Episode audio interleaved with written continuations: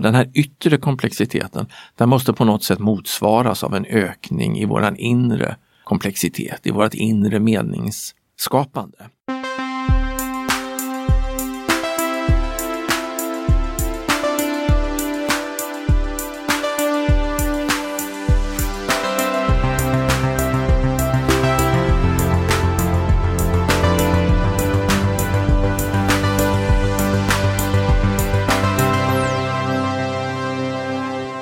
Detta sekel kommer riktningen för mänsklighetens framtid att avgöras i de kollektiva existentiella val vi står inför.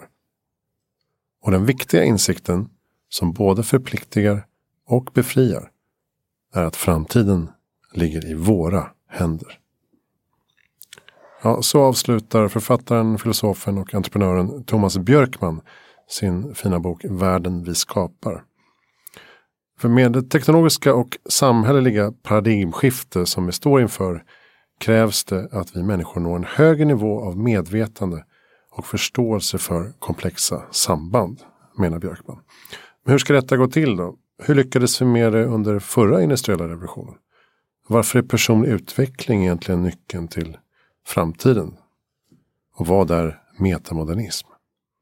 Ja, detta och mycket annat kommer du få lära dig i dagens avsnitt av Heja Framtiden. Vi samarbetar med Helio GT30 i Stockholm som förutom kontorshotell och coworkingplatser och eventlokaler och sådär, även har en fin liten poddstudio där vi spelar in. Tack Helio! Kolla in helioworks.se.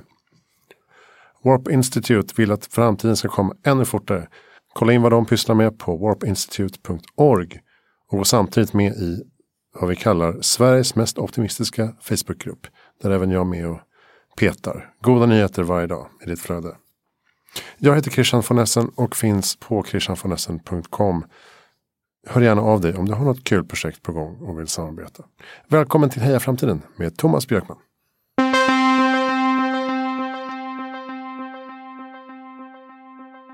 Hallå Thomas Björkman. Välkommen till Heja Framtiden. Hej, tack för att jag får vara med. Jättekul. Du är ju eh, författare nu för tiden bland annat. Du har skrivit eh, åtminstone tre böcker. Det stämmer det. Varav den eh, kanske senaste och största heter Världen vi skapar. Ja, den kom ut ungefär samtidigt, lite före faktiskt den absolut senaste som heter eh, The Nordic Secret. Just det. Så det är The Market Myth, om jag får göra lite reklam. Ja, ja, The. Market Myth som, som handlar om, eh, om det sättet som eh, marknaden kanske har blivit vår nya gud i det neoliberala samhället idag. Jag är ju gammal bankir eh, och finansentreprenör och har sett marknaden inifrån och det är lite grann mina tankar kring eh, den världen som jag uttrycker i The Market Myth. Och sen som sagt var världen vi skapar på svenska som kom ut för drygt ett år sedan. Och sen på engelska tillsammans med min eh, kollega, den danska filosofen Lena Andersen, så skrev vi The Nordic Secret som handlar lite grann om de nordiska ländernas spännande resa i det förra paradigmskiftet. Idag tror jag vi ska prata om ett nytt paradigmskifte. Exakt.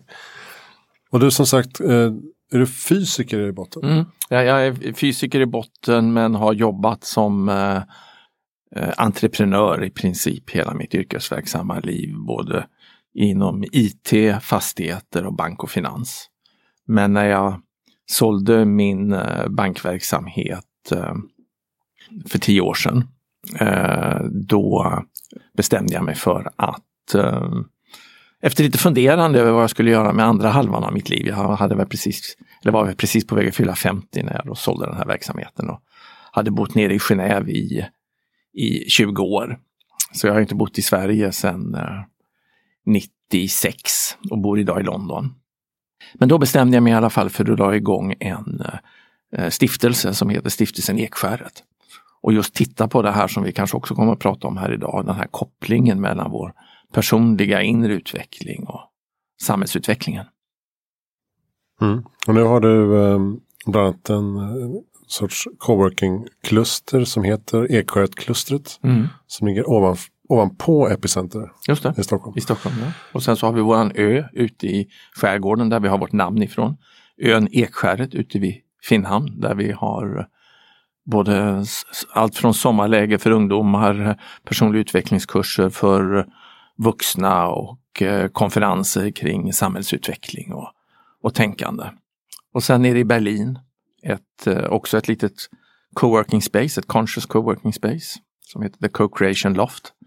Och sen en liten eh, tankesmedja eller tankeinstitut i London som heter Perspektiva.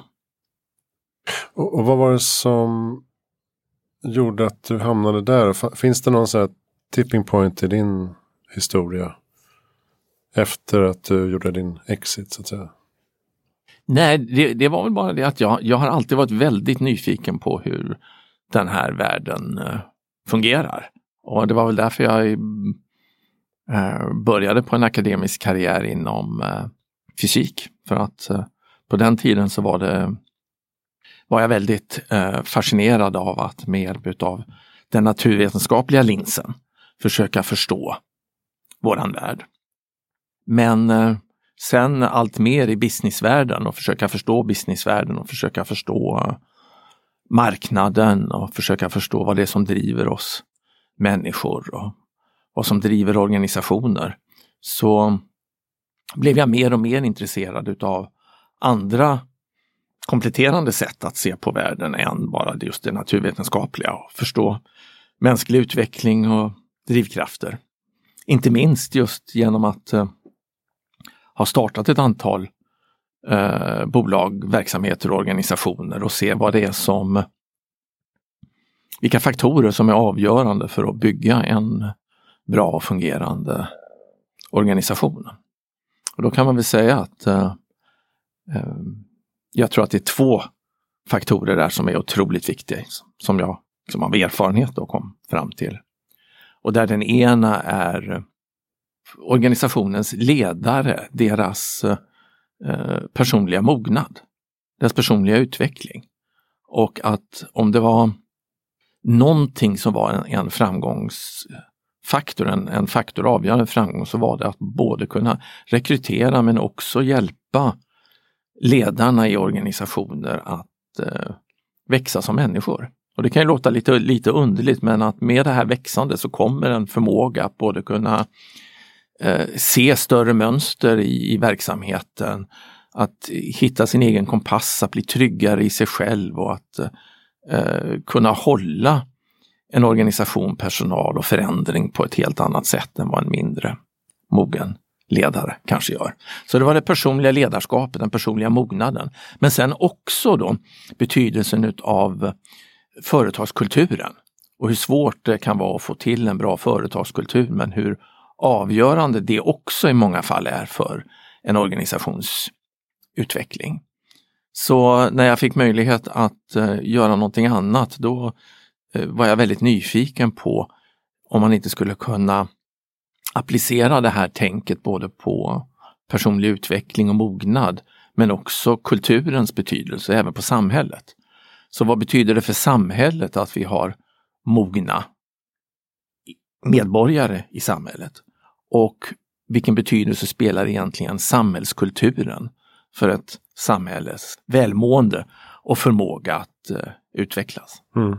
För om man ska sammanfatta din teori eller din uh, utgångspunkt så är det väl att vi nu står inför ett nytt uh, paradigmskifte. Um, liknande den industriella revolutionen tidigare. och vi står inför en ny industriell revolution. Och därför uppstår viss uh, förvirring mm. hos människor. Ja, inte bara hos människor utan i hela, hela samhället. Man på något sätt när teknologiutvecklingen går framåt, och det har den ju gjort i hela mänsklighetens historia, så har ju teknologiutvecklingen gått framåt. Men det som är lite grann annorlunda idag, det är att den går så otroligt snabbt framåt. Eh, och det tror jag är en väsentlig punkt att trycka på. Därför att eh, tidigare i, i, i teknologiutvecklingen och i världshistorien så har det nog varit möjligt i många fall att man har kunnat ta till sig den nya teknologin i skiften mellan generationer. På det sättet att kanske du själv var jordbrukare, din far var jordbrukare, din farfar var jordbrukare Och du kunde sen i industrirevolutionen kanske vara kvar som jordbrukare men dina barn flyttade till staden och blev industriarbetare. Så att skiftena kunde ske liksom mellan generationerna. Medan nu går det ju så otroligt fort att vi måste ju eh, eh, skifta flera gånger under våra liv. Och det är vi egentligen nog inte riktigt eh, eh, gjorda för och det tror jag hjälper till att skapa den här turbulensen. Du kan ju tänka efter själv lite grann där på hur många totalt olika samhällen, hur många totalt olika teknologiska samhällen eh, har du levt i själv? Mm. Eh, och eh, ja, beroende på var man drar lite olika gränser så har du säkert levt i åtminstone tre eller kanske till och med fyra. Om du är 40 år idag. Nej, 39. 39, okej okay, det är viktigt. Eh, eh, och är du lite äldre så har du kanske ännu flera. Men det här att vi fick, eh, gick från en värld utan mobiltelefoner till mobiltelefoner bara, mm. dumma mobiltelefoner. Eller sen utan internet eller med internet. Och sen med smartphones och så vidare. Och nu kommer ju artificiell intelligens och robotics och eh, hela den här biten. Så ja, jag tror att vi står för inför ett minst lika stort eh, samhällsskifte som vi var i när vi gick ifrån att vara i ett förindustriellt, ett förmodernt samhälle. Eh, men det är inte bara teknologin som skiftar, utan eh, när teknologin skiftar så måste också vårt sätt att organisera vår verksamhet, men också väldigt mycket om hur vi själva förstår världen och hur vi skapar mening i världen och hur vi navigerar i världen. Det ändrar sig. Så för att ta det exemplet då med det förra gången vi var inne och det, vi har gjort det här många gånger i mänsklighetens historia. Jag berättar om det i då, min bok Världen vi skapar som du refererade till. Så senaste gången då vi var inne i det här stora skiftet ifrån det förmoderna till det moderna samhället, då gick vi från en, ett religiöst, dogmatiskt, icke-demokratiskt sätt att se på världen och organisera våra samhällen in i ett eh, rationellt, vetenskapligt, industriellt, demok demokratiskt samhälle. Och det var ju en samhällsomvälvning som var eh, otroligt eh, våldsam också. Eh, det här skedde ju inte utan sådana saker som franska revolutionen och Napoleonkrigen och eh, hela Europa var, var ju i princip i kaos under ja, 50, kanske till och med 100 år i det skiftet. Och sen har vi gått in i en någorlunda stabil modernitet. Ehm, men jag tror att väldigt mycket av de kriser vi ser idag, där klimatkrisen självfallet är kanske den som eh, efter den här sommaren vi känner är det mest påtagliga akuta. Men även eh, krisen i demokratin som vi har, men också krisen i våra egna personliga liv där vi känner oss kanske både vilsna och eh, stressade och eh, fler och fler utav oss eh, äter ju piller för det. Mm. Så att jag tror att alla de här olika kriserna, lägg till där också då finanskriser och global orättvisa och alla, alla de här grejerna. Jag tror att alla de här kriserna egentligen är yttringar av en och samma metakris. Och den metakrisen det är att eh, det nuvarande sättet vi har att se på oss själva, på samhället och på världen. Det paradigm som vi navigerar efter, eller de glasögon vi, som vi ser världen igenom. De här glasögonen, det här paradigmet, det fick vi med upplysningstiden. Och det här sättet att se på världen, då, det rationellt vetenskapliga materialistiska, det har ju hjälpt oss att skapa den här fantastiska världen som vi lever i idag. Den här världen vi lever i idag är ju en värld som mina mor och farföräldrar när de var tonåringar, de skulle ju bara kunnat drömt om den här världen. Mm. Det fanns ju ingen penicillin på den tiden och folk svalt och folk eh, dog i barnsäng och barnadödlighet och allt vad vi, vad vi hade. Vi lever i en fantastisk värld. Så vi, vi får, får inte glömma hur starkt det här moderna paradigmet har varit och hur vi verkligen som mänsklighet behövde det moderna paradigmet då. Men sen är andra sidan, det är ju att nu verkar det ju som att det är det sättet att se på världen och förhålla oss som faktiskt eh, håller på att ta, ta död på oss nu på olika sätt. Så det är då jag tror att vi går in i en turbulent tid eh, utav ett skifte. Och att det här i, i grunden handlar om att vi måste in i ett eh, nytt sätt att se på oss själva, samhället och världen. Det handlar om ett mindshift. Just det, för du pratar ofta om, att, eh, eh om komplexitet. Att mm. det blir, verkligheten blir mer komplex och det är olika system som samverkar. Men att om man inte når en förståelse för den komplexiteten så hemfaller man istället åt eh, mer populistiska eller eh, svartvita ideologier kanske. Som är ja, polariserande. Ab absolut, det, det, det, är ett sätt att, att, um, att uttrycka det på. Ett annat sätt att säga precis samma sak det, det är att um, vi, vi människor har ett, det ligger i vår styrka, det är att vi hela tiden måste ju för att kunna fatta beslut och för att handla och för att kunna överleva så måste vi ha någon form utav förståelse utav eh, vår värld. Vi måste ha en karta att navigera, vi måste ha ett meningsskapande. Eh, annars så skulle vi inte överhuvudtaget veta vad vi skulle göra när vi vaknar på morgonen. Antingen det här skedde på stenåldern eller medeltiden eller, eller idag. Men där är det ju då ty tyvärr så att på, på stenåldern så var ju eh, världen i många avseenden såklart mycket hårdare och eh, svårare. Men den var samtidigt också mindre komplex. Vi levde i mindre grupper, kanske max ett par hundra individer vi behövde hålla ordning på. Vi levde i en, i, med väldigt lite teknologi och en väldigt stabil teknologisk eh, eh, omgivning. Vi föddes in i ett samhälle och vi dog i samma, samma samhälle. Så de instinkter vi har i det här meningsskapandet, de är ju väldigt goda tumregler för att överleva på eh, stenåldern när vi fick våra gener och fick våra instinkter.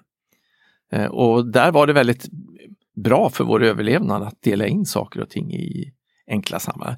Är det en vän eller är det en fiende? Eh, är det här ätbart eller är det oätligt? Och då får vi de här indelningen i kategorier och vårt medvetande är väldigt mycket tenderar till det. Men i dagens komplexa värld då gäller det att försöka se världen kanske i, alla de eh, nyanser och schatteringar och den komplexitet som den har. Och det krävs mycket utav oss människor att kunna göra det.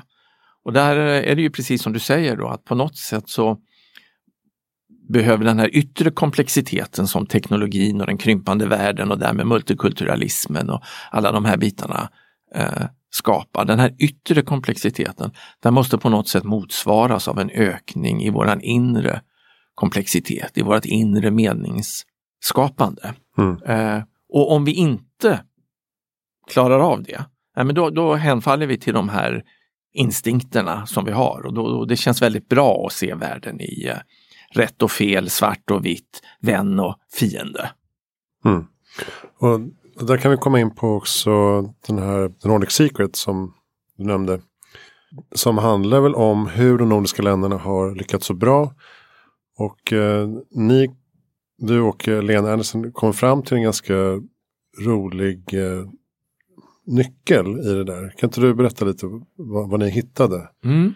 Som, som liksom en förklaring en, en tänkbar förklaring i alla fall ja, till en, varför en, det har gått så bra. Ja, en bidragande ja. förklaring. Det är många samverkande faktorer.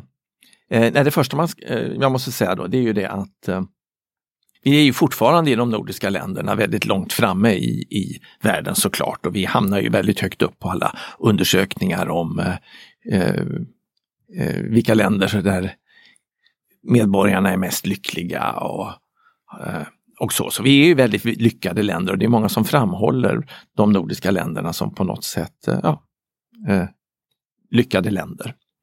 Eh, samtidigt så, så eh, skriver vi också i boken att vi tycker att det här är någonting som vi kanske under de senaste 20-30 åren har börjat tappa.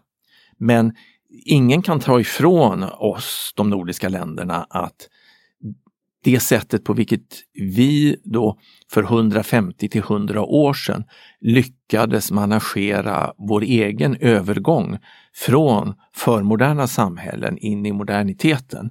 Det, det finns inga länder som lyckades med den övergången så bra.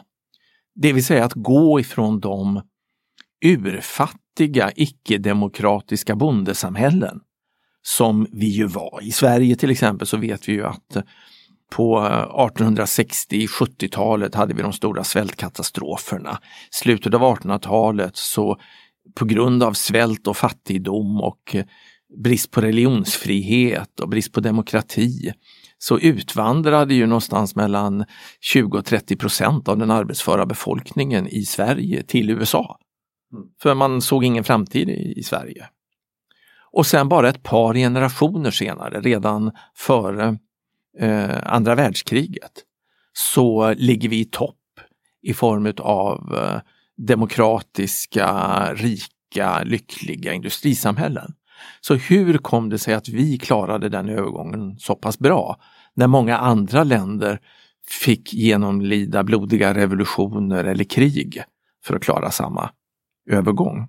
Eh, och det är många som har gett många olika svar på den biten och det är självfallet många olika eh, Eh, samverkande faktorer. Vi hade en hög eh, läskunnighet trots att vi var fattiga i, i, i Sverige. Vi hade skogar, järnmalm, eh, grund för en industri och en massa sådana saker. Det ska vi inte ta ifrån eh, oss.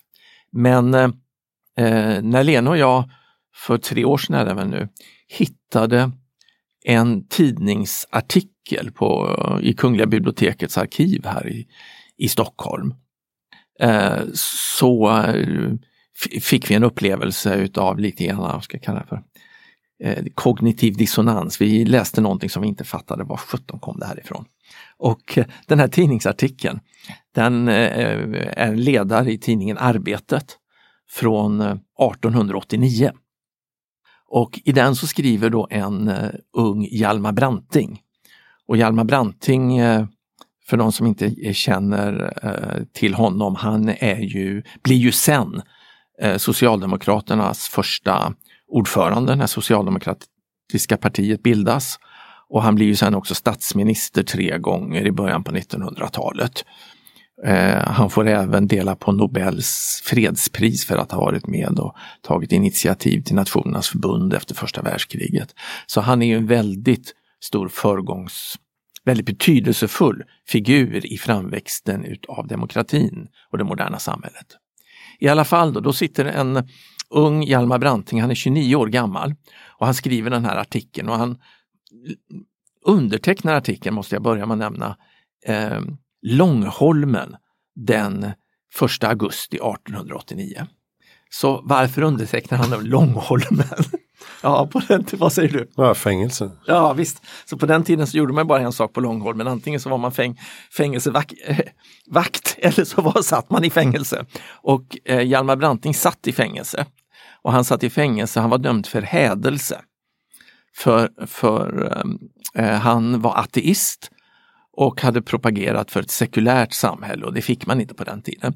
Och Jag tycker det är lite relevant i det jag kommer att berätta här nu och jag ska också nämna att jag är också eh, ateist och eh, propagerar för ett sekulärt samhälle. Men i alla fall så skriver han i den här då artikeln att vi socialdemokrater har varit alldeles för fokuserade på den materiella utvecklingen. Ja, det är klart att den är viktig, men den är bara en förutsättning för den mycket viktigare andliga utvecklingen. Ja, skriver han, det gäller att ta mänskligheten till ett nytt andligt utvecklingsplan. Eh, och det här stämde inte alls med varken Lenes eller min bild av svensk eller nordisk politisk historia. Eh, min bild ifrån historieböckerna i gymnasiet och eh, även det jag läst senare, jag är väldigt intresserad av eh, historia, särskilt politisk historia eh, har ju varit att det var klasskampen och kampen om eh, åtta timmars arbetsdag och semester och organisationsrätten i fackföreningar och att det var det här som drev de tidiga demokrati, demokratibyggarna. Nej, här sitter en ateist och pratar om betydelsen av andlig utveckling. Och med det menar han då inre utveckling. Mm och eh, någon form av sekulär inre utveckling. Och om man gräver vidare i den där historien lite grann så, så ser man ju då att några år tidigare, så när Hjalmar Branting var 22 år, så pluggade han i Uppsala. Och då var han studiekamrat med bland annat eh, Karl Staff och Ellen Key. Och Ellen Key var ju en av våra tidiga feminister i eh, Sverige. Och Karl Staff skulle ju sen också gå vidare och bli statsminister mm. två gånger, men för Liberalerna. Och de här tre då, och några till, Karl Staff, Ellen Key och Hjalmar Branting, de startar då eh, när de var studenter i Uppsala en, en förening, en NGO skulle vi säga idag, för bredskalig, alltså folklig, andlig, sekulär eh, utveckling. Eh, och då kan man fråga sig, var har de fått det här ifrån? Jo, det här har de fått ifrån de tyska 1800-talsfilosoferna som allesammans påpekar på vikten av förståelse mellan kopplingen mellan den inre personliga utvecklingen och samhällsutvecklingen. Det är filosofer som Schiller, Goethe, Herder, von Humboldt. Och alla de reagerade emot och vände sig emot eh, upplysningsfilosofernas bild utav vårt medvetande som en rationell beslutsmaskin som på något sätt var färdigutvecklad när vi var 20 år och sen kunde inte mycket mer hända med den och vi var då kapabla att ta rationella beslut både för oss själva och framtida generationer. Demokrati och marknad. Ja, precis. Mm. precis. Och det, det, det, det, är lite grann den modellen som ligger bakom sen, ja precis, systemen demokrati och marknad, i alla fall i de nuvarande implementeringarna. Att man, eh, man förutsätter i de ekonomiska modellerna att vi är de här rationella, egennyttiga eh, beslutsfattarna. Men de här tyska filosoferna, de var väldigt samstämmiga kring att nej men så är det inte, utan vårt medvetande är, om vi använder modern språk så skulle de ha sagt att det är ett komplext självorganiserande system under livslång utveckling. Och när det här meningsskapandet utvecklas på grund av att vårt medvetande tar in energi och ny information hela tiden och de existerande medvetandestrukturerna utmanas och kan formas och bli mer komplexa. Och det här formandet utav vårt medvetande, formandet av subjektiviteten, det kallade de för eh, vårt medvetandes bildande. Och det blir på tyska Bildung och det är det som vi sen plockar in till svenskan, bildning. Och där är lite grann missförstått här. Nu, idag så låter ju bildning som någon gammaldags skola där det handlar om att lära sig latin och citera eh, gamla författare. Men det var inte alls det som varken de tyska filosoferna eller Hjalmar Branting, Karl Staff och Ellen Key menade med bildning. Ellen Key skrev ju sen en bok, en, eller ett, i alla fall ett litet häfte som heter Vad är bildning? Uh, och i den så skriver hon, och det är många som känner igen det citatet, hon skriver att bildning är det som vi har kvar när vi har glömt allt vad vi har lärt oss. Mm. Så det betyder ju där att i deras bild så handlar det inte alls om kunskap. Utan här, allt det vi tar in, det formar vårt medvetande och det är liksom rymligheten och komplexiteten av medvetandet som är resultatet av bildningsprocessen. Och ett resultat i den här bildningsprocessen som alla de här var väldigt, väldigt medvetna om, det är att vi som vuxna, eller som ungdom, vi börjar som ungdomar, så går vi i ett medvetandeutvecklingssteg från att vara väldigt egoistiska där allt bara handlar om me, myself and I när vi är små barn till att vi som ungdomar kommer in och blir vad psykologer idag kallar för socialiserade. Vi börjar intressera oss för gruppen och vi börjar förstå att vi är en del av en grupp och att gruppens värderingar och gruppens välmåga är, är viktigt för oss. Eh, men då kan du säga att när du har kommit så långt så är du väldigt styrd utav ditt samhälle eller din grupps värderingar och ditt eget värde, det, det graderar du utifrån den uppskattning du får ifrån din närmaste grupp. Men sen ett väldigt viktigt steg i den personliga utvecklingen, det är när vi kan komma ett steg vidare och bli det som utvecklingspsykologer idag kallar för självförfattande eller self-authoring.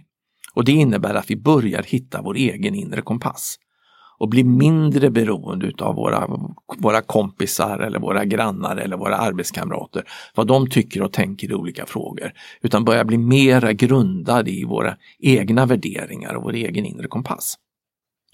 Och det sa då de här tyska filosoferna och det plockade de här nordiska politikerna och intellektuella upp. Att ska vi få en demokrati att fungera så måste en tillräckligt stor del utav befolkningen faktiskt har hittat sin egen inre kompass. Annars är det ju bara risk att man springer efter andra eh, tankar och, och eh, idéer. Och just demokratin bygger ju på det att det är vi faktiskt, vi som själva som väljare som ska bilda vår egen uppfattning om det här. Det inte bara handlar om vad våra kompisar skriver på Twitter eller Facebook eller vad bottar skriver på Twitter och Facebook. Utan vi ska faktiskt kunna stå emot det där och säga att ja men liksom, det verkar som att alla twittrar om det här men jag tycker faktiskt så här. Så att hitta den där inre kompassen, den, den, den är otroligt viktig i demokratiutvecklingen. Så vad väldigt få känner till, det är ju att eh, man i alla de nordiska länderna då för 150 år sedan faktiskt startade en hel serie av vad vi idag skulle kunna kalla för retreat centers. Där unga vuxna i början på 20-årsåldern och på den tiden så hade man ju jobbat ett, ett, några år då när man var så pass gammal kunde åka på ett upp till ett halvårs långt retreat med avsikten att hitta sin egen inre kompass, få lite verktyg kring att bygga civilsamhälle, men också förstå den senaste teknologiutvecklingen kring vad som händer i jordbruksteknologi och hantverksteknologi och sådana här saker. Och eh, vid förra sekelskiftet år 1900 så fanns det faktiskt bara i Danmark 100 sådana här retreat centers. I Norge fanns det 75 och i Sverige fanns det 150 retreat centers. Och när det här var som störst så var det som för, näst, för nästan precis 100 år sedan var det här nog kanske som störst. Då deltog eh, upp till 10% av eh, varje årskull av un, unga vuxna i ett sånt här halvårslångt retreat för att hitta sin egen inre kompass. För att kunna hålla den osäkerheten som finns i den här samhällsomvandlingen som mm. var då och för att kunna vara aktiva medskapare utav det nya demokratiska moderna samhället. En slags värnplikt. Ja, fast det var ju utveckling. frivilligt. Det, var, det var ju frivilligt. Det var, det, det, det, var ju frivilligt. Och det här ligger till grund till många kursgårdar och ja, alltså folkhögskolor? ja, det här heter ju, jag brukar kalla det för, för retreat, eh, retreat centers för att förstå att när det här skapades så var fokuset just på den här inre utvecklingen. De här platserna kallades ju då för, eller heter, folkhögskolor. Och de finns ju kvar fortfarande. Och vi har ju fortfarande en gigantisk budget för folkhögskolorna och även för folkbildningsverksamheten. Så hela det här området har ju i, fortfarande idag i Sverige 2018 en budget på nästan 4 miljarder kronor. Det är liksom en stor del av en försvarsbudget, det är ju gigantiska pengar i en statsbudget. Mm. Men det vi har glömt idag, det är ju att eh, den här folkbildningen och folkhögskolorna och studiecirklar som också ingår i det här komplexet, att det ursprungligen handlade om att hjälpa människor att hitta sin egen inre kompass för att kunna bli så pass grundade i sig själva att man kunde klara turbulensen som det innebar att gå in i det nya demokratiska samhället och kunna bli medskapare av demokratin. Den, den, tanken är ju borta. Och, och själva poängen här är väl att du menar att det här skulle inte vara så dumt att ha idag? Nej, precis. Inför detta alltså, paradigmskifte. Eller, ja, eller, eller något liknande, eller i alla fall det här fokuset. Därför att vi människor är ju sådana att i tider av stor omvälvning som vi går in i just nu. Bara för att förtydliga det igen då, det här med teknologiutvecklingen och sånt här. Det har inte riktigt slagit igenom den, de insikter om till exempel hur mycket eh, AI och automatisering utav tjänstemannajobb kommer att påverka hela arbetsmarknaden. Vi, kom, vi kommer gå in i en precis helt ny värld. Det är inte så många år bort innan vi inte kommer att behöva arbeta 40 timmar i veckan 40 år utav våra liv. Och det är i grunden väldigt goda nyheter. Men om vi är kvar i ett tänkande utav jobb, arbete och sysselsättning bara, då leder det här till problemet arbetslöshet. Så att för att kunna se kraften och det fantastiska i det faktum att vi inte kommer att behöva jobba så mycket, för det måste vi ha då ett mindshift. Och det är det här skiftet som vi är inne i här nu då.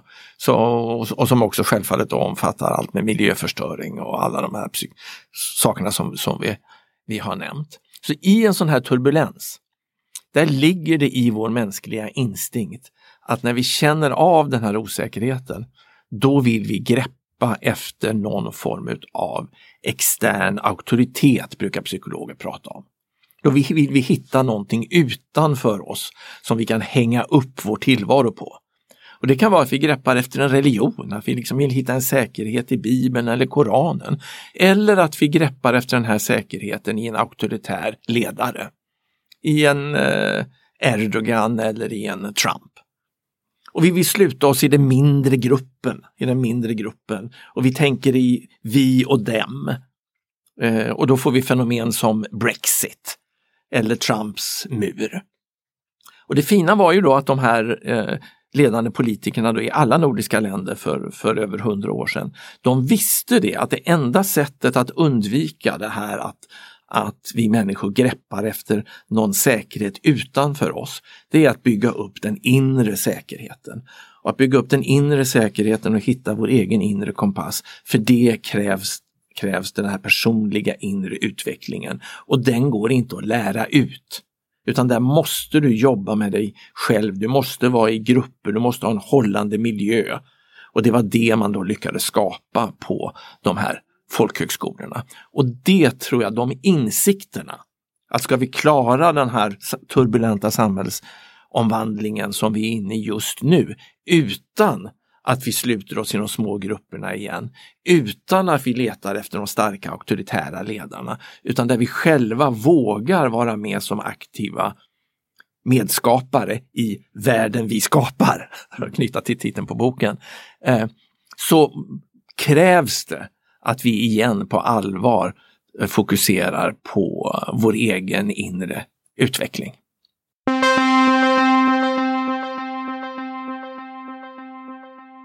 Du tar upp i boken till exempel att man kan, eller man börjar prata om komplexitetsforskning. Där man eh, sammansmälter eh, olika forskningsgrenar. Eh, komplexitetspolitik som skulle kunna syfta till ja, transformativt lärande på något sätt. Utveckling av medvetandet. Hur ser, hur ser du rent praktiskt att det här skulle gå till? Du pratar om det vi behöver bygga liksom det medvetna samhället. Ja, och jag tror som sagt att man var på väldigt eh, rätt spår där i de nordiska länderna för hundra år sedan. Att det här handlar om inre utveckling och ska man vara lite mer specifik på den sidan så jag menar inre utveckling och medvetandeutveckling, det kan ju låta liksom väldigt abstrakt och så, men vad är det då? Ja, då, då skulle man kunna bryta ner det där i att säga så här istället att vi i den här snabbt förändliga världen så måste vi som individer, om inte annat bara för vår egen överlevnad och, och välmående, så måste vi som individer utveckla ett gäng nya förmågor för att kunna klara av att eh, fungera väl i världen. Och när utvecklingen går så snabbt som det gör idag så handlar det inte om att eh, lära sig vissa mm, kunskaper eller eh, ens tekniker. Om vi pratar till exempel, det är en del som säger att nu ska vi lära alla ungdomar att programmera, det är viktigt. Men eh, utvecklingen går ju så fort så att ja visst, de stora dataföretagen här i Stockholm de säger att vi behöver anställa massa programmerare här i år och nästa år och kanske ett år till. Men om fem år så är det algoritmer som skriver dataprogrammen istället. Det är en av de enklaste sakerna att eh, få en AI att göra. För programmering är ju inte någonting annat än att följa väldigt enkla regler mm. egentligen. Så att om vi utbildar oss till eh, programmerare idag och tror att vi ska kunna hitta jobb och programmera C++ om fem år, det, det, det kommer inte hända. Utan då istället kommer det skapas nya arbeten. Men vad man behöver då det är ett fåtal Eh, högnivåsystemerare som talar om för de här programmeringsrobotarna vad det är de ska eh, Eh, programmera. Så jag bara nämner det som ett exempel på att det är väldigt svårt att, liksom att peka på specifika saker man ska lära sig utan vad vi måste lära oss nu och vad vi måste ge den uppväxande generationen. Det är vad en del pedagoger kallar för transferable skills, överföringsbara färdigheter. Det vill säga färdigheter som vi kan tillämpa på många områden i livet. Och vad kan det vara? Det kan till exempel vara att lära sig att lära. Det kan vara presentationsteknik och massa sådana här time management och sådana saker som går att applicera på många olika områden. Men de mest spännande utav sådana här då transferable skills, det är den typen av skills som man kallar för transformative skills.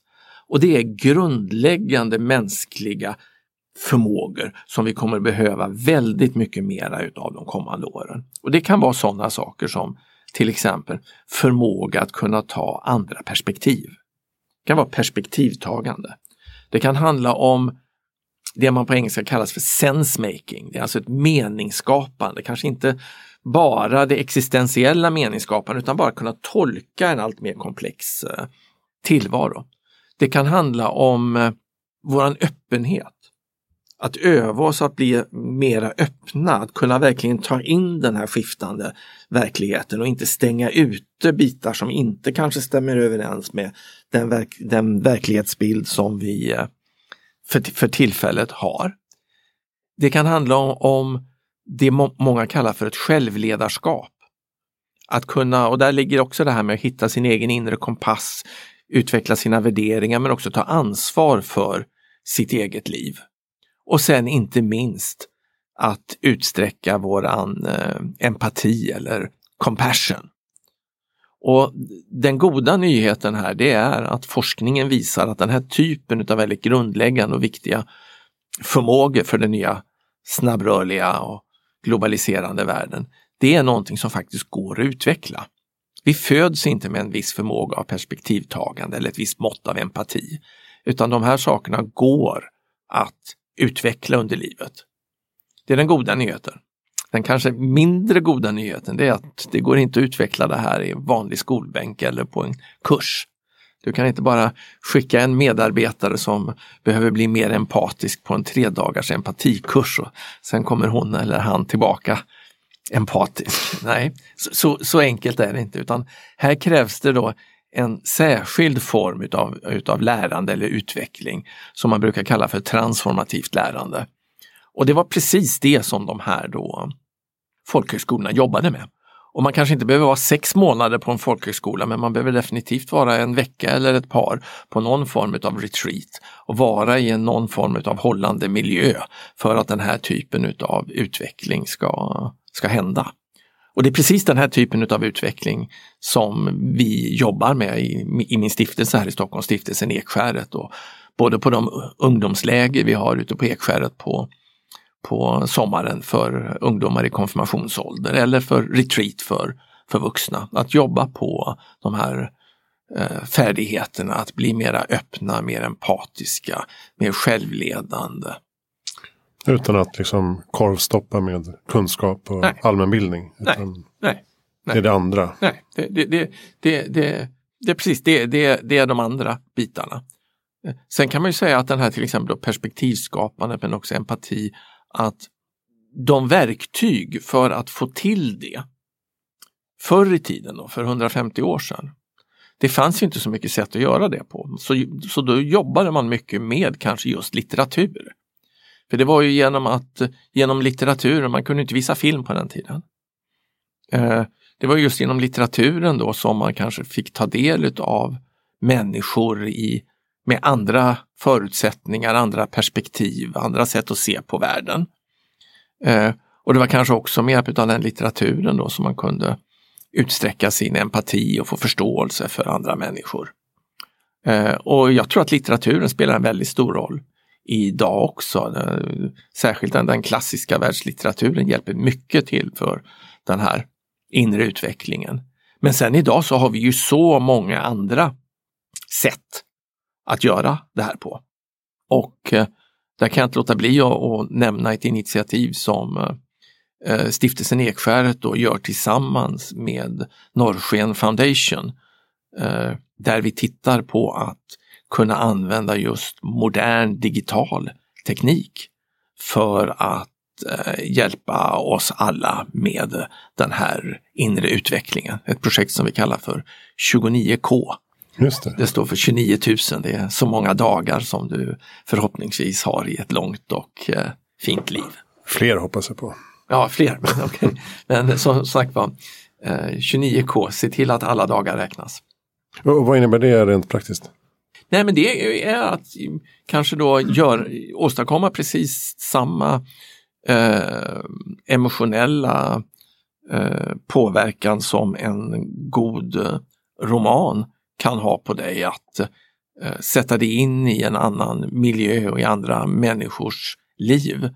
Eh, kan man åstadkomma eh, och sen kanske då eh, efteråt sitta eh, i en studiecirkel och prata om det. Skulle man kunna åstadkomma samma psykologiska utveckling genom att kanske med videoklipp och annat ta del av andra människors eh, liv och perspektiv. Och sen kanske sitta och dela de upplevelser och tankar man har kring det i en videochatt eller något liknande. Eh, jag tror att det personliga mötet, det är, det, är där, där den verkliga personliga utvecklingen sker. Och det är ju därför som eh, vi har grundat stiftelsen Ekskäret och att vi har Ekskäret ute i naturen. Så det personliga mötet i avskildhet och i naturen, det tror jag har stor transformativ effekt. Men för skalbarheten och för ett första insteg så tror jag mycket kommer att kunna göras eh, med digitalt eh, stöd i framtiden. Mm. Vi hoppas det i alla fall. Det ska bli spännande. Vi kommer ut med en beta här under hösten. Ja, jag är inne på hemsidan. 29k.org. Ja. Men du, eh, Ekskäret är väl också involverad i det här nya tankesmedjan eh, Nordic Bildung? Ja, som eh, utgår lite från ja, Nordic nej, Secret. Eh, nej, absolut, absolut. Eh, och jag skulle inte säga att det, det är inte officiellt ett initiativ från stiftelsen Ekskäret, men det är mer ett självorganiserande initiativ som har uppstått kring Eh, Lene som min bok eh, The Nordic Secret. Och eh, det är en förening som har bildats just utav de som vill utforska, ja men hur, hur kan vi använda personlig utveckling och de här insikterna i det stora samhällsskifte som vi nu står inför. Mm.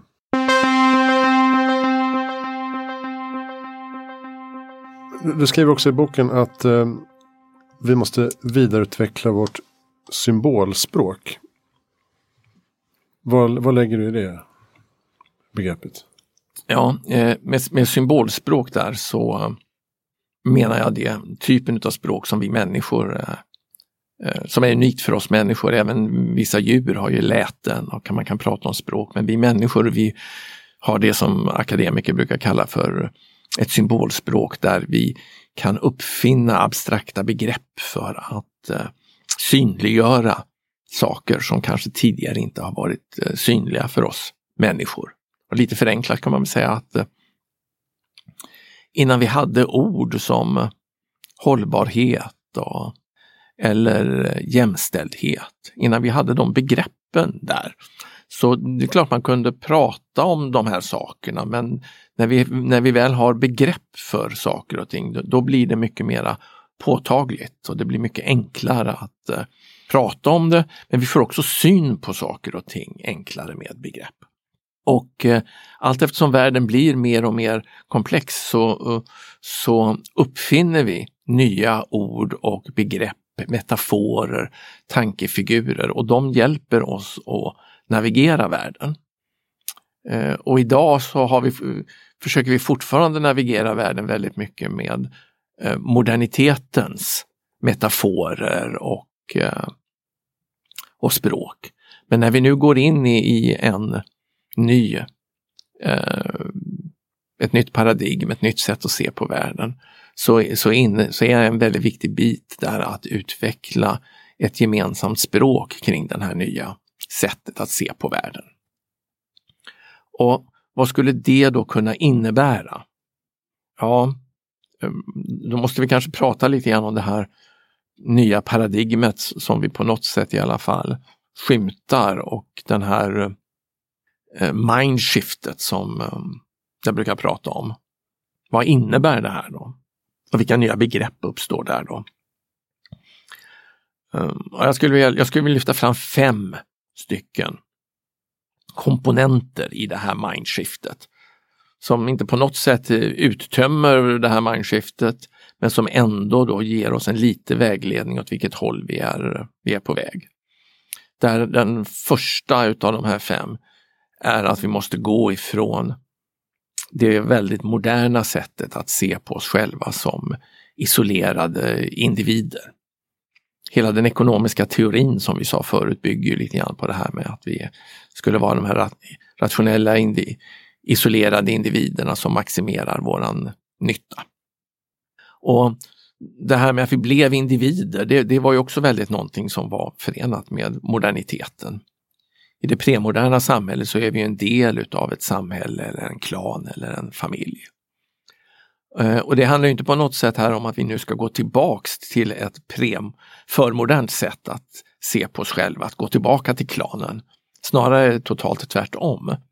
Men att vi måste inse att vi som nu eh, frigjorda individer med den individuella friheten vi har och den frigjordheten vi har ifrån klansamhället ändå har ett behov utav att tillhöra någonting större och hur beroende vi är utav att tillhöra någonting större för eh, vårt välmående. Och att i vilket samhälle som helst så, går, så är vårt individuella välmående beroende utav välmåendet utav människor runt omkring oss, både de vi känner och de vi inte känner. Så ska vi nu bygga ett bra samhälle där vi mår bra, så, handl- så blir en av insikterna där att vi måste då titta på Eh, allas välmående. Vi kan inte bara titta på vårt eget välmående.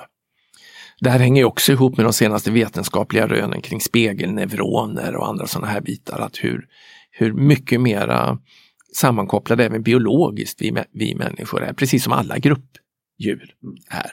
Och det, måste, det tänket måste vi få in. Vi måste gå, if gå ifrån ett individualistiskt tänkande till att vara fortfarande individer men beroende utav andra individer i ett nära kopplat nätverk och samarbete. Som nummer två i det här mindshiftet så, går det, så handlar det mycket om att gå ifrån ska vi kalla det för att gå ifrån ett linjärt tänkande till ett systemtänkande skulle man kunna säga. Ett annat sätt att uttrycka det är att gå ifrån ett eh, analytiskt tänkande till ett mera holistiskt eh, tänkande. Ytterligare ett sätt att uttrycka det skulle kunna vara att säga att, man, att vi måste gå ifrån att uppfatta världen som bestående av en massa saker, en massa ting statiska ting till att inse att nästan allting vi ser runt omkring oss faktiskt är processer som pågår på olika, eh, i olika tidsskalor. Och inte bara enskilda processer utan sammanlänkade, sammankopplade processer. Och då kommer man in i ett systemtänkande. Eh, och i skolan idag så är vi ju väldigt skolade i det här gamla analytiska newtonska tänkandet. Och igen då, det ska vi inte lämna. Det var ett väldigt stort steg att vi gick ifrån någon vidskeplig eh, värld där, vi mest, eh, där det mesta handlar om att vi agerade på vidskeplighet och känslor till att gå in och kunna resonera logiskt kring saker och ting och analytiskt. Det ska vi behålla. Men vi måste komplettera den här uppdelande, analyserande sättet att tänka där vi, vi har vetenskaper som tittar på olika specifika, faktiskt allt mer smala aspekter av vår mänskliga värld. Till att också samtidigt sätta samman den här kunskapen till helhetsbilder och titta på de effekter som kanske bara kan förstås när vi ser till helheten. Och det skulle kunna kallas för ett holistiskt tänkande eller ett, eh, ett synt syntetiskt tänkande, ett integrerande tänkande som kompletterar det analytiska som vi inte ska ge upp. Så att det, det, det är kanske då en mindshift nummer två. Mindshift nummer tre har vi redan pratat om. Och det är att eh, betydelsen utav att förstå att våra personliga medvetanden också är den här typen utav komplexa självorganiserande system som eh, eh, är under ständig livslång utveckling. Igen då i upplysningsfilosofen, det gamla paradigmet, i det moderna paradigmet, så är vi de här rationella färdiga beslutsmaskinerna när vi är 20 år. När vi inser att vi inte är det, utan vi inser att vi är på en livslång inre utvecklingsresa och att den här utvecklingsresan antingen kan hämmas eller faciliteras, understödjas utav vår omgivning och utav vår samhällskultur. Då får vi upp ögonen för helt, helt andra möjligheter och vi, kan, vi börjar också förstå varför vi inte kommer vidare i vissa frågeställningar. Som till exempel varför vi inte kommer vidare i eh, eh miljöfrågorna. Trots att vi har en sån detaljerad idag naturvetenskaplig systemsyn på klimatfrågorna. Innan vi kopplar ihop det med våra medvetanden och våra medvetandeutveckling och vårt individuella meningsskapande så kommer vi aldrig liksom att knäcka den nöten. Så den, våran, med, våran livslånga medvetandeutveckling, det är det tredje skiftet eller insikten. Eh, och sen det fjärde, det, det är insikten. Eh, det handlar om vår sociala värld. Och där var det väldigt kul att eh, lyssna på, eh, som jag gjorde på ett eh, tidigare avsnitt utav Heja framtiden med Gustav eh, Josefsson Tada som berättade väldigt mycket om den här socialt konstruerade världen eller våran eh, kollektiva fantasivärld, våran collective imaginary som man kanske kan säga på engelska.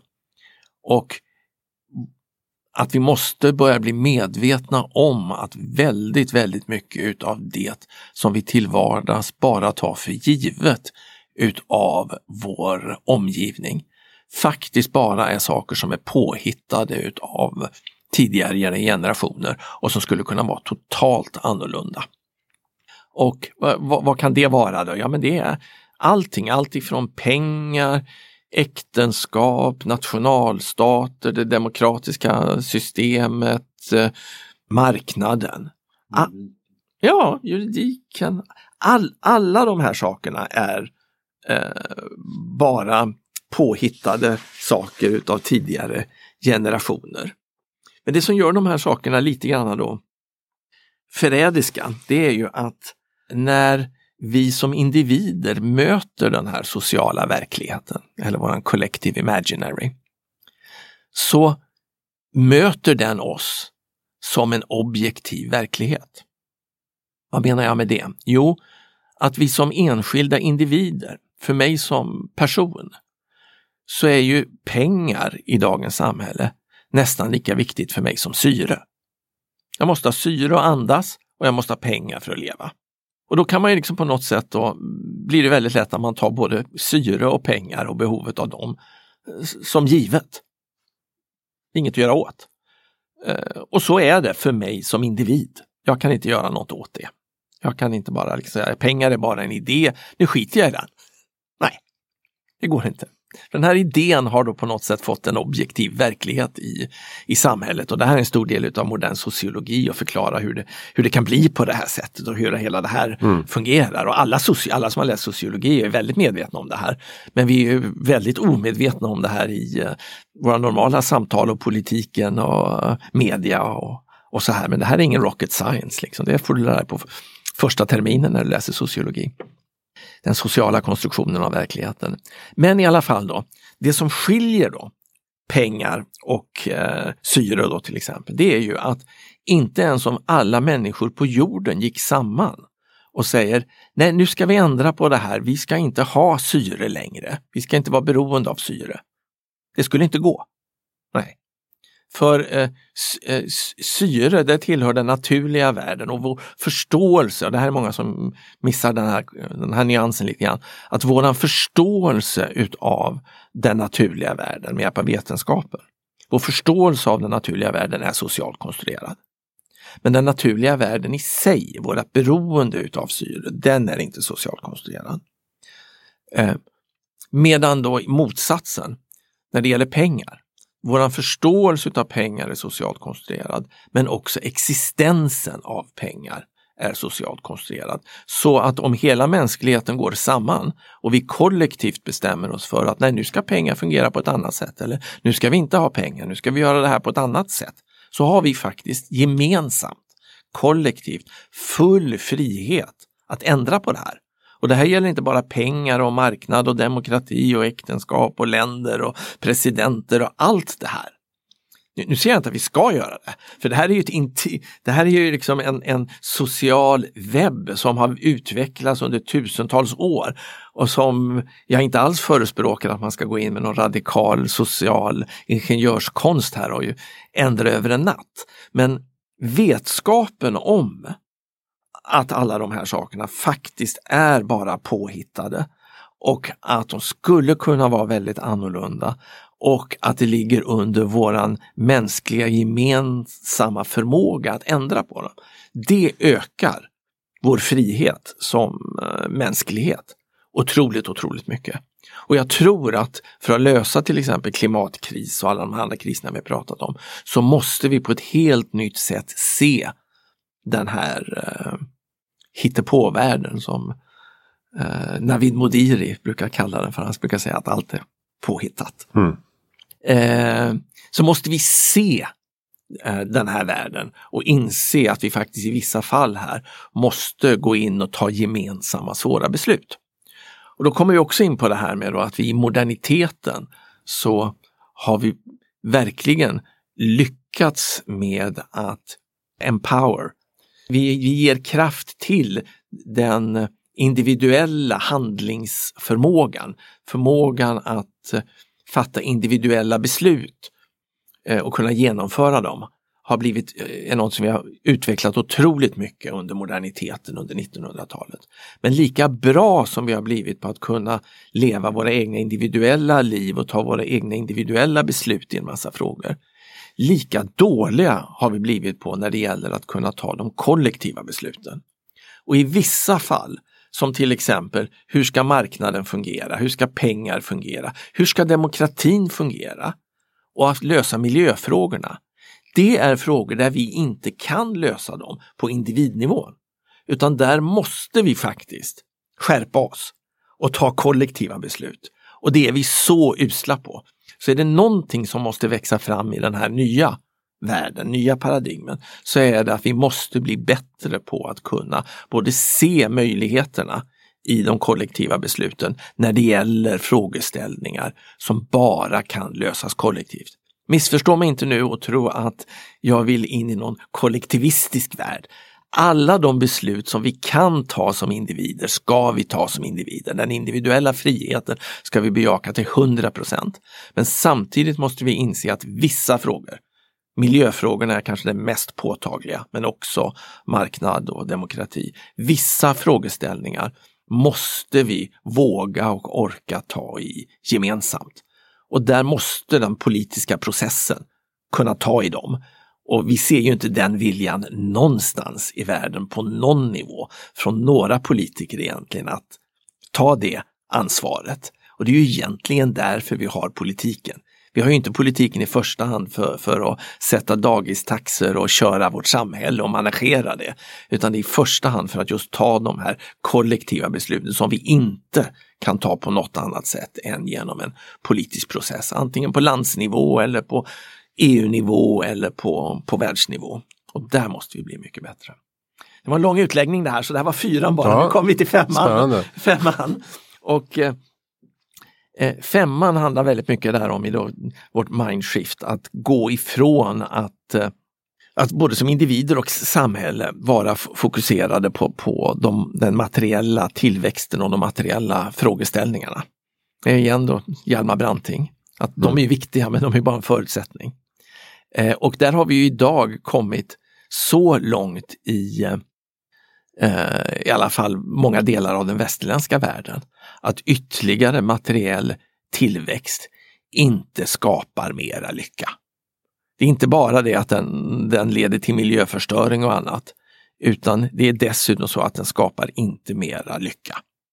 Och i, och i det läget så måste vårt fokus, både ett individuellt fokus men också ett politiskt fokus, skifta ifrån eh, materiell tillväxt och eh, BNP till frågeställningar, andra värderingar som, som tar sig uttryck i frågeställningar som eh, rättvisa, eh, gemenskaper, men också mening.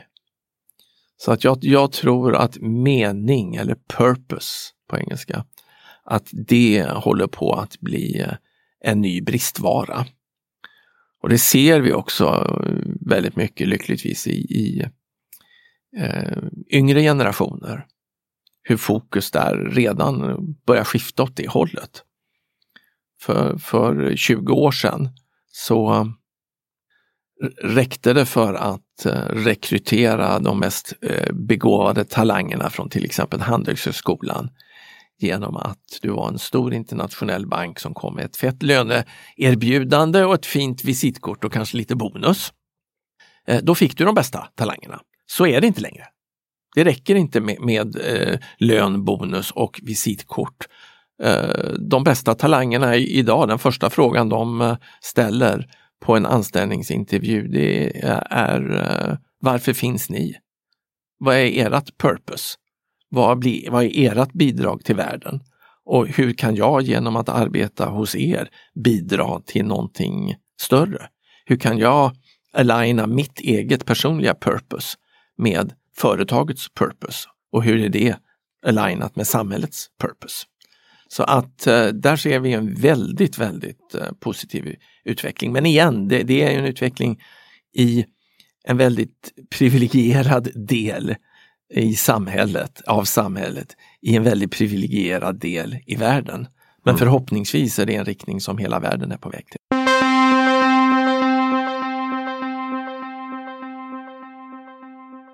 Uh, vi ska runda av snart men jag tänkte på ett begrepp som återkommer lite i uh, dina tankar och böcker är ju den här tankerörelsen kring metamodernism eller metamodernitet.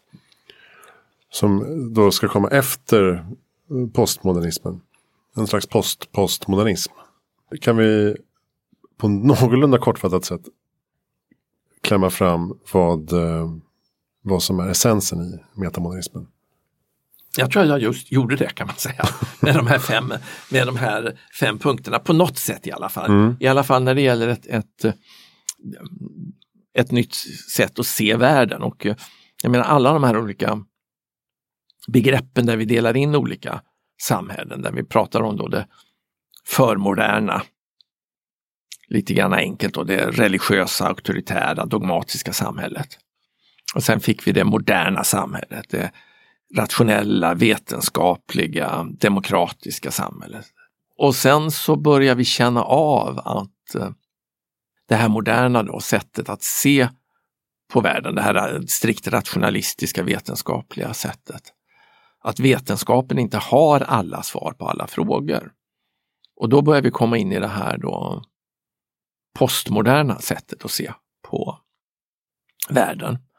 Och det postmoderna sättet att se på världen innehåller ju väldigt mycket eh, välbehövlig kritik utav moderniteten och har väldigt många värdefulla insikter. En av de kanske mest värdefulla insikterna där är just det vi pratade om förut, där behovet utav att se stora delar av vår värld som socialt konstruerad.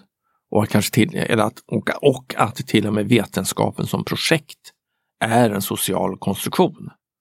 Det är väldigt postmoderna insikter och väldigt viktiga insikter som vi måste ta med oss framöver.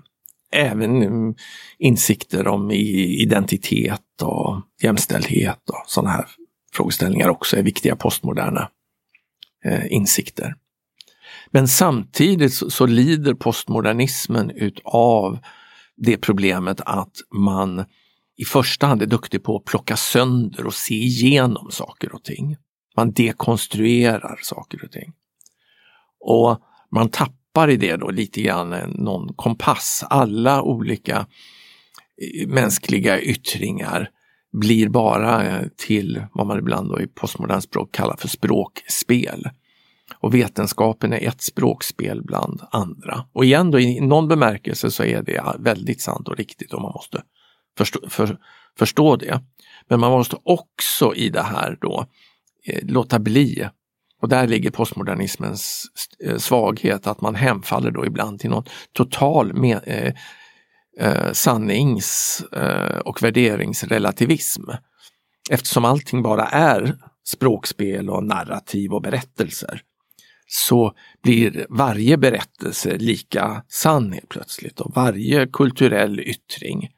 Om, om du är buddhist, eh, vegetarisk buddhistmunk eller om du är huvudjägare. Det är bara olika kulturella yttringar och man kan inte säga att den ena liksom skulle vara bättre än den andra. I alla fall i det extremfallet. Och där, där ligger också postmodernismens svaghet. Så postmodernismen kommer inte att kunna ligga till grund för ett nytt samhällsbygge på samma sätt som eh, moderniteten gjorde det. Postmodernismen är en avslutning av moderniteten där vi börjar se Eh, problemställningarna med, med moderniteten. Vad som sen kommer efteråt, för det är ju helt klart att vi, precis som i tidigare skiften, så måste någonting eh, komma efter. Och vi är inne i den systemskiftet nu. Vi är inne i en, vad, vad man kan kalla för, i systemtermer, en bifurkationspunkt. Eh, och då säger allmän sån här systemteori att i en sån här bifurkationspunkt så kan det alltid gå åt två håll. Antingen så kan systemet, då, i det här fallet världssystemet, hitta en ny organisations, självorganisationspunkt där man lyckas organisera sig på ett mer komplext, självorganisera sig på ett mer komplext sätt. Och det skapar oftast mera frihet i det, i samband med det. Eller så får man ett sönderfall till ett mer fragmenterat system. Systemet orkar inte ta ett nytt steg uppåt utan det blir ett sönderfall. Och i dagens världspolitik så skulle det innebära att vi får se ännu mer utav Brexit och FN-samarbeten samman, faller samman och länder faller samman och det blir mera små regioners och maffiagruppers krig mot varandra. Ett väldigt fragmenterat samhälle och vi kan gå in i en ny eh, mörk medeltid som kan vara flera hundra år. Om det inte blir så illa att klimatkrisen eller ett världskrig tar död på oss allihopa. Eh, så om vi kommer in i en, i en eh, mer komplext organiserad värld, in i ett nytt samhälle. Så vad är det då som krävs för att det ska, för att det ska ske? Ja, då kommer vi tillbaks då igen då till de här förmågorna vi började prata eh, om för ett tag sedan här. Nämligen de här förmågorna till perspektivtagande, öppenhet, uh, själv, självledarskap och uh, eh, compassion. Empati. Empati, compassion. Om tillräckligt många människor kan utveckla tillräckligt mycket av de här förmågorna och därmed skulle man kunna säga då på fikonspråk bli mera medvetna. Och därmed kunna hålla, själva hålla en större komplexitet. då har systemet en förmåga, kan systemet ha en förmåga att organisera sig på, på en högre komplexitetsnivå. Så det kräver inte att alla människor klarar av att hålla den här komplexiteten, men en tillräckligt stor del måste göra det. Och det var det vi lyckades då i Norden skapa, menar Lena och jag, då, för 150 år sedan. Vi lyckades med de här programmen skapa 10, 20, 30 procent av, av eh, medborgare i länderna som faktiskt kunde klara av att inte bara hålla utan också vara medskapare av det här nya samhället. Så lyckas vi med det igen, skapa tillräckligt många världsmedborgare som klarar av att hålla eh, det här mera komplexa samhället som förhoppningsvis då kan växa fram. Då kan vi gå in i ett nytt stadie och det stadiet då ger olika filosofer olika namn. Någon kallar det för att det är ett postsekulärt samhälle, någon säger att det är ett post postmodernt samhälle. Någon pratar om ett rekonstruerande postmodernism. Um, Lena och jag använder i, i uh, jag kallar det i världen vi skapar, kallar jag det för det komplexa samhället. Medan Lena och jag i uh, The Nordic Secret uh, använder termen det metamoderna samhället. Så att, eh, och jag tycker metamoderna samhället är ett, eh, är ett bra namn. Vi måste ge det här framväxande någonting bra. Men det är viktigt att veta att det inte, det metamoderna samhället är inte bara vilket samhälle som helst som växer fram. Det är det samhälle som växer fram om vi klarar av att självorganisera oss på ett mera medvetet, mera komplext sätt. Och för att göra det så måste vi som individer utveckla de förmågor, vårt eget medvetande som vi har pratat om. Och som samhälle så måste vi genomgå ett sånt här mindshift där vi börjar se på oss själva och samhället och världen på ett helt nytt sätt. Fint. um, vi ska gå vidare med våra liv idag. Men um, jag vill varmt rekommendera Världen vi skapar framförallt. Uh, väldigt spännande bok. Um, och alla dina böcker finns väl på Fritanke förlag? Ja. Fritanke.se. Ekskäret hittar vi på ekskaret-klustret.se. Ja, det är, det är vår coworking space och eh, Ekskäret, stiftelsen, det, ja, är, det är ekskaret.se. Just det, så var det. Eh, och eh, din egen hemsida heter thomas-björkman.com. Ja. Har du någon, något annat lästips om man är mer intresserad av de här frågorna? Ja, det finns mycket man kan eh, läsa och eh, det som jag eh, tycker är spännande här och det skriver jag också i Världen vi skapar, det här är, i Världen vi skapar, det här är inte i första hand mina egna tankar utan vad jag försöker sammanfatta där i boken, även om den blev ganska tjock, så är det ju äh, de tankemönster kring den världen som håller på att växa fram, som redan cirkulerar där ute.